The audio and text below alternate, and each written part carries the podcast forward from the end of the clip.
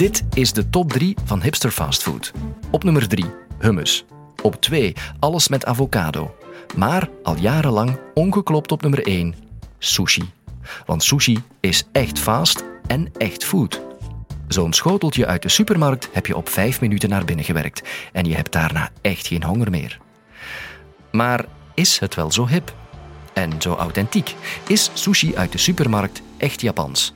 Japanologe Tine Walravens van de UGent legt het uit. Dit is de Universiteit van Vlaanderen.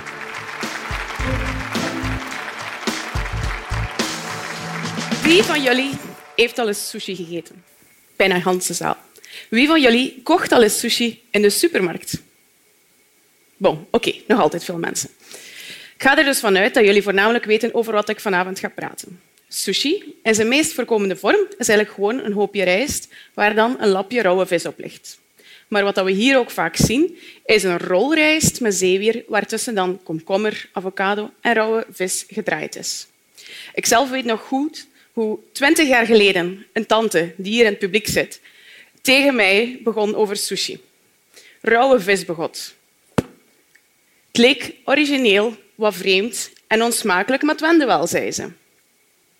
Toen bleek sushi nog iets heel avontuurlijk en exotisch hier. Ondertussen is het overal. Takeaway, supermarkt, noem het op. Maar is die supermarkt-sushi die wij hier hebben eigenlijk echt Japans? Om die vraag te beantwoorden moeten we dus eerst weten wat sushi is en waar het vandaan komt. Want sushi is eigenlijk niet zoals wat wij vaak denken, of het karakter betekent eigenlijk niet zoals wat veel mensen denken, rauwe vis. Het origineel Japans karakter betekent zuur smaken. En dat refereert naar een bewaartechniek, waarbij vis of vlees gefileerd werden, gevuld werden met zout en zo gedurende zes maanden in een houten vat gepekeld werden. De bewaartechniek zelf die werd 2500 jaar geleden vanuit Zuidoost-Azië en China verspreid en in de 8e eeuw na Christus kwam die in Japan binnen. De vis zelf die werd gegeten op festivals en op feestdagen. Rond de 16e eeuw dan werd dat zout vervangen door azijnrijst. Dus rijst die met azijn vermengd was. En na verloop van tijd werd niet meer alleen de vis, maar ook de rijst gewoon samen opgegeten. Dat als we nu kijken wat eigenlijk al onze sushis verbindt, de constante tussen al die sushis, dan is dat precies die rijst met dat azijn. Maar sushi zoals we die vandaag kennen, dus weer ons hoopje rijst met rauwe vis op, dat is eigenlijk nog niet zo oud. 200 jaar ongeveer. Rond 1820 verschenen in Edo, de stad die nu Tokio heet, de eerste stalletjes die eigenlijk die sushi verkochten aan de groeiende arbeidersbevolking. Dat was toen nog heel duur. Geleidelijk aan verhuizen die stalletjes dan naar hygiënischere locaties binnenshuis. En zo zijn de eerste sushi-restaurants een feit geworden. Maar echt populair werd sushi pas na de jaren 50. De komst van de koelkast en geavanceerde koeltechnieken zorgden ervoor dat de beste verse vis van gans over Japan binnen de dag in Tokio was en daar verkocht kon worden. Maar de industrialisering van Japan gedurende de jaren 50 en 60 zorgde ook voor enorm vervuilde wateren en overbevissing. De lokale vispopulatie was eigenlijk bijna volledig uitgeput. Bovendien, in de jaren 70, kwam er ook een internationale beslissing waarbij dat de vissersgrenzen bepaald werden op 200 mijl voor de kust. Daardoor konden eigenlijk vissersvloten niet meer zomaar gaan vissen in het water van de buurlanden. De Japanse vissersvloten, die tot dan toe eigenlijk voornamelijk bij de buren zaten te vissen, waren zo verdreven uit hun voornaamste visregio's. Geen vis niet meer. Maar dat gebeurde net op het moment dat in Japan zelf de vraag naar vis exponentieel steeg. Waarom? In de jaren 80 kende Japan een exponentiële economische groei. En daarmee gepaardgaand een extravagante consumptiemaatschappij. Japanners en hun eetpatronen veranderden daar enorm door. Dus Japanners die oorspronkelijk met een lunchbox naar het werk gingen, lieten die lunchbox nu thuis en gingen gewoon over de middag op restaurant. De sushi-economie in Japan boomde dus. Maar Japan had geen vis meer en moest dus elders op zoek naar zijn verse vis voor die sushi. Internationale leveranciers smeten zich op die markt. En de beste vis werd dus eigenlijk van overal ter wereld ingevlogen naar Tokio en daar verkocht voor exuberante bedragen. De VS was een van de eerste en grootste spelers die daarop inging. Voornamelijk voor tonijn. Tonijn die gevangen werd voor de kust van Noordoost-Amerika, maar ook de Golf van Mexico of Spanje. Die werd de dag zelf gevlogen naar Tokio en daar verkocht voor enorme bedragen. Op een periode van tien jaar tijd vermeerderde de import van tonijn, van blauwvintonijn in Japan vijf keer en de prijs daarvoor steeg tot 700 procent. Dat leidde ertoe dat in de VS een industrie ontstond van blauwvintonijn die louter en alleen gebaseerd was op de honger in Japan. Tonijnsushi, die eigenlijk de op één na favoriete sushi is in Japan, en met zijn rood en witte kleur, zoals in de nationale vlag, ook een soort van nationaal icoon voor het land, is dus voornamelijk geïmporteerd. Een nog merkwaardiger verhaal krijgen we als we kijken naar zalm. Volgens een enquête van de Japanse voedselgigant Maru Hanichiro is al zes jaar op rij zalm de meest populaire sushi in Japan, vooral bij jonge mensen. Nochtans, ging je in de jaren 80 een Japans restaurant binnen of een sushi-tent, was het volledig ondenkbaar dat je daar zalm geserveerd zou krijgen. Traditioneel gezien was het eigenlijk voornamelijk tonijn of heilbot die populair waren. En zalm is eigenlijk een recente nieuwkomer op dat sushi-menu. En dat, dat is het resultaat van een zeer doordachte en efficiënte marketingcampagne van de Noorse regering. Want in Japan zelf werd trouwens zalm eigenlijk niet gegeten omdat die parasieten bevatte als die lokaal gevangen werd. En die moest dus gedroogd of gekookt worden voor de consumptie. Maar in 1985 was de Noorse regering op bezoek in Japan. En die had daar gezien dat tonijn wel zeer duur verkocht werd om rauw geconsumeerd te worden, maar dat zalm eigenlijk alleen maar in de pan of op de grill belandde. Noorwegen zelf zat met een enorme overschot aan zalm, industrieel bevroren zalm dan nog, sinds de introductie van de commerciële zalmteelt daar. En de Noren zelf die aten meer en meer gevogelte en rood vlees. Probleem. Dus Project Japan werd in het leven geroepen. Dat is een combinatie of een project van de Noorse regering en de Noorse zalmkwekers. En die moesten samen zalm gaan introduceren in Japan als sushi. De eerste reactie van de Japanners op dit plan was onmiddellijk dat dit onmogelijk zou zijn. Wij Japanners wij eten geen zalm als sushi. Dat stinkt, de kleur is niet goed, ziet er raar uit en de kop van de zalm is ook nog een keer niet oké. Kort samengevat, Japanners vonden de zalm vies. Maar de Noren die gaven niet op. Na jaren onderhandelen was er plots een supermarktketen die toehapte. De Noren verkochten een 5000 ton zalm voor een spotprijs. Op één voorwaarde, dat die zalm verkocht zou worden als sushi. Het moment dat zalm in de supermarkt lag als sushi, leek het plots normaal. Heel snel volgden ook de goedkopere restaurantketens. En toen een belangrijke tv-chef op televisie zei dat Noorse zalm eigenlijk wel oké was als sushi, was de trein helemaal vertrokken. Zalmsushi wordt nu eigenlijk gezien als een van de meest traditionele elementen van de Japanse keuken. En er zijn er eigenlijk nog weinig die malen of weten om het feit dat dat een Noorse uitvinding is. Onze echte Japanse sushi is dus eigenlijk veel internationaler dan we soms denken. Maar dat was de vraag niet voor vanavond. De vraag was hoe Japans is onze Japanse sushi die hier in de supermarkt ligt.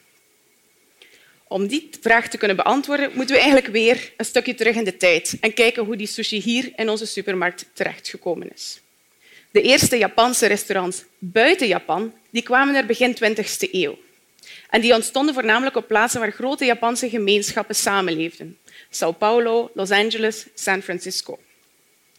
Initieel gebeurde de export van die Japanse keuken zeer gecontroleerd. De Japanse restaurants waren opgericht voor en door Japanners. En die deden dus nog heel Japans aan. Je kwam binnen in een Japans interieur, personeel liep rond in kimono en bovendien waren die restaurants ook heel duur en exclusief. Maar begin de jaren 70 begonnen ook niet-Japanse Amerikanen sushi te eten. Voornamelijk aan de westkust van Amerika pikten alternatieve bewegingen, zoals de hippies, sushi op als een gezonde vervanger voor de traditionele Amerikaanse kost, die voornamelijk opgebouwd was rond rood vlees. De economische groei van Japan en toenemend toerisme tussen beide landen zorgden er ook voor dat Japan eigenlijk meer en meer bekend werd in de VS. En dat was net op tijd, want herinner je nog het verhaal van die tonijn? Eh, de jaren 80, Japan zoekt een nieuwe leverancier voor zijn tonijn. en begint te importeren uit de VS en plots ontstaat er een industrie die alleen gebaseerd is op de honger in Japan. Net op het moment dat de Amerikaanse blauwvintonijnindustrie goed en wel gelanceerd is, keldert de Japanse economie. En daarmee ook de enige afzetmarkt voor die Amerikaanse blauwvintonijn. De Amerikaanse producenten moeten dus hun tonijn elders kwijt. En waar beter dan thuis? De opkomende sushi-hype in de VS bleek de oplossing voor een industrie die volledig was opgebouwd rond de goesting en de appetijt van de Japanners. Nu, in Europa dan. In Europa is de sushi-hype op dezelfde manier ontstaan als in de VS. Eerst en vooral begon die rond gemeenschappen waar Japanners samenleefden, maar veel later dan in de VS. Die gemeenschappen hier die waren voornamelijk in het Verenigd Koninkrijk, Frankrijk en Duitsland. Net zoals in de VS was de hype rond Japans eten hier getriggerd door de recessie in Japan zelf. Heel veel Japanners die omwille van hun werk hier in Europa waren terechtgekomen, moesten omwille van de barre economische omstandigheden terug naar Japan. Maar die infrastructuur hier, de restaurants, de supermarkten, de noedel- en sushi-shops, die bleven bestaan, maar liepen leeg. Om te overleven moesten die winkels en die shops dus gaan cateren naar de lokale Europese bevolking. Bovendien, en ironisch genoeg eigenlijk, zijn ook Chinese ondernemers essentieel geweest in de popularisering en de verspreiding van de Japanse keuken hier. De Japanse restaurants bleken een interessant alternatief voor de verzadigde markt van Chinese restaurants. En bovendien was de klasse en de status die gelinkt was aan Japanse keuken, beloofde die een grotere winstmarge.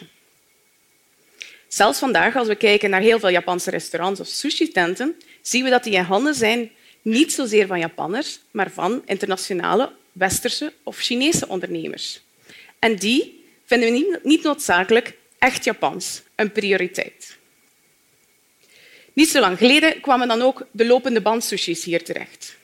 Het werkt als volgt. Je zit in een restaurant, aan een lopende band passeert sushi langs je tafeltje en jij pakt dat er maar af en stelt je eigen maaltijd samen. Deze en bepaalde van de vorige ontwikkeling die ik vermeldde, zijn eigenlijk essentieel geweest in de verandering van sushi als een dure upmarket maaltijd voor meer gesofisticeerde en welgegoede consumenten in de wereldstad naar een betaalbare fastfoodmaaltijd die letterlijk beschikbaar is aan de lopende band of in de supermarkt. Het systeem is simpel. De rijst die komt voorgekookt toe. De vis die is al gesneden en diepgevroren.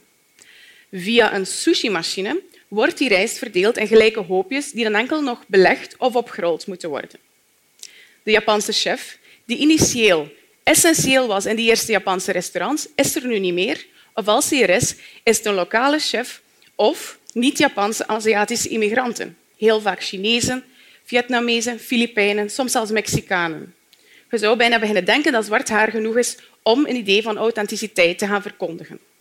Nu, niet alleen de chefs en de infrastructuur veranderden, ook sushi zelf transformeerde aanzienlijk bij de oversteek van Japan via de VS naar Europa.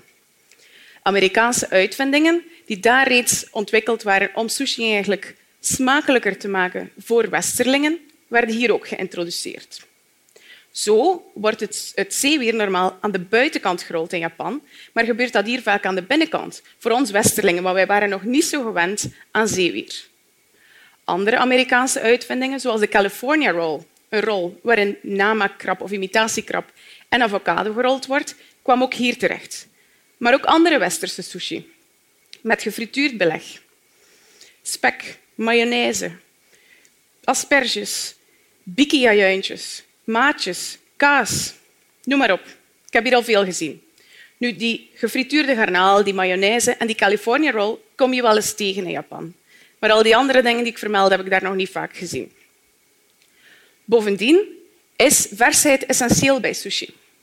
Als je in Japan sushi in de supermarkt koopt, dan is die gelabeld met niet alleen de dag, maar ook het uur en de minuut waarop die geproduceerd is. Ga ik hier naar de supermarkt, dan krijg ik sushi die vaak nog drie dagen houdbaar is.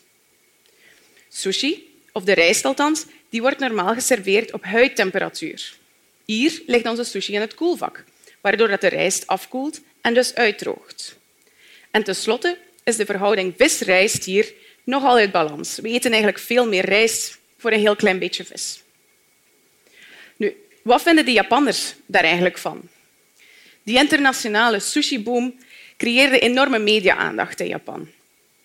Enerzijds kijken de Japanners vol ontzag en trots naar hun traditionele sushi, die een hippe trend geworden is bij de meer gesofisticeerde consumenten wereldwijd. Anderzijds kijken ze ook met afkeer en een beetje verschrikking naar onze vreemde sushi, die overgedecoreerd zijn, vreemd gevormd, chockerende combinaties en de extreme porties wasabi die we hier gebruiken. De verspreiding van Japanse traditie naar de grote massa, denken de ene. Een belediging voor de Japanse traditie, denken dan weer de anderen. Maar over het algemeen kijkt het publiek debat met een zekere trots naar hun nationale sushi die internationaal zo populair is. En ze liggen eigenlijk niet wakker van al die inventieve adaptaties die wij hier maken. De regering reageert iets parochialer op de nieuwe identiteit van hun geglobaliseerd product. Aanvankelijk wilde de Japanse regering de wildgroei aan Japanse restaurants overal ter wereld een beetje onder controle houden. En zouden ze dus Japanse restaurants wereldwijd gaan goedkeuren en een label opplakken puur Japans als jij goed genoeg was. Uiteraard werd dat programma op heel veel kritiek ontvangen in binnen- en buitenland. En het werd honend een beetje de sushi-politie genoemd. De officiële versie is wat afgezwakt. Nu gaat de Japanse sushi-politie niet meer goedkeuren, maar gewoon aanbevelen. Nu, terug naar onze vraag. Zou onze supermarkt sushi eigenlijk wel goedgekeurd of aanbevolen worden door de Japanse sushi-politie? Is onze supermarkt sushi nu eigenlijk Japans? In het begin van deze lezing heb ik de vraag omgedraaid. Hoe Japans is Japanse sushi? De vis, zoals we gezien hebben met het verhaal van de tonijn, komt niet noodzakelijk uit Japanse wateren. Het idee zelf is geïmporteerd uit Zuidoost-Azië en China. En de meest populaire versie, die met zalm, die is eigenlijk een uitvinding van Noorwegen. De Japanners zelf die weten eigenlijk ook niet goed wat nu precies sushi is en waar iets stopt sushi te zijn. De enige voorwaarde lijkt azijn met rijst. En in dat geval vallen zowel de Japanse sushi als onze supermarkt sushi daaronder. Een week geleden was ik nog in Tokio en vroeg ik aan een bekende Japanse sushi-chef wat hij nu vond van al onze westerse uitvindingen. En hij antwoordde mij het volgende. Sushi is niet statisch. Het is in constante evolutie. Het is nog geen 200 jaar oud. Sushi is dus eigenlijk onderweg, zowel hier in Japan als in het buitenland. En daarop serveerde hij ons een hoopje rijst met een lapje rauw rundvlees en kappertjes. Come on, hipsters. Verspreid deze podcast zoals hipsters dat doen. Via social media, door te sharen en te liken. En vergeet dan ook niet te kijken of te luisteren naar Sarah Steenhout. Want zij vertelt je hoe je een succesvolle influencer wordt.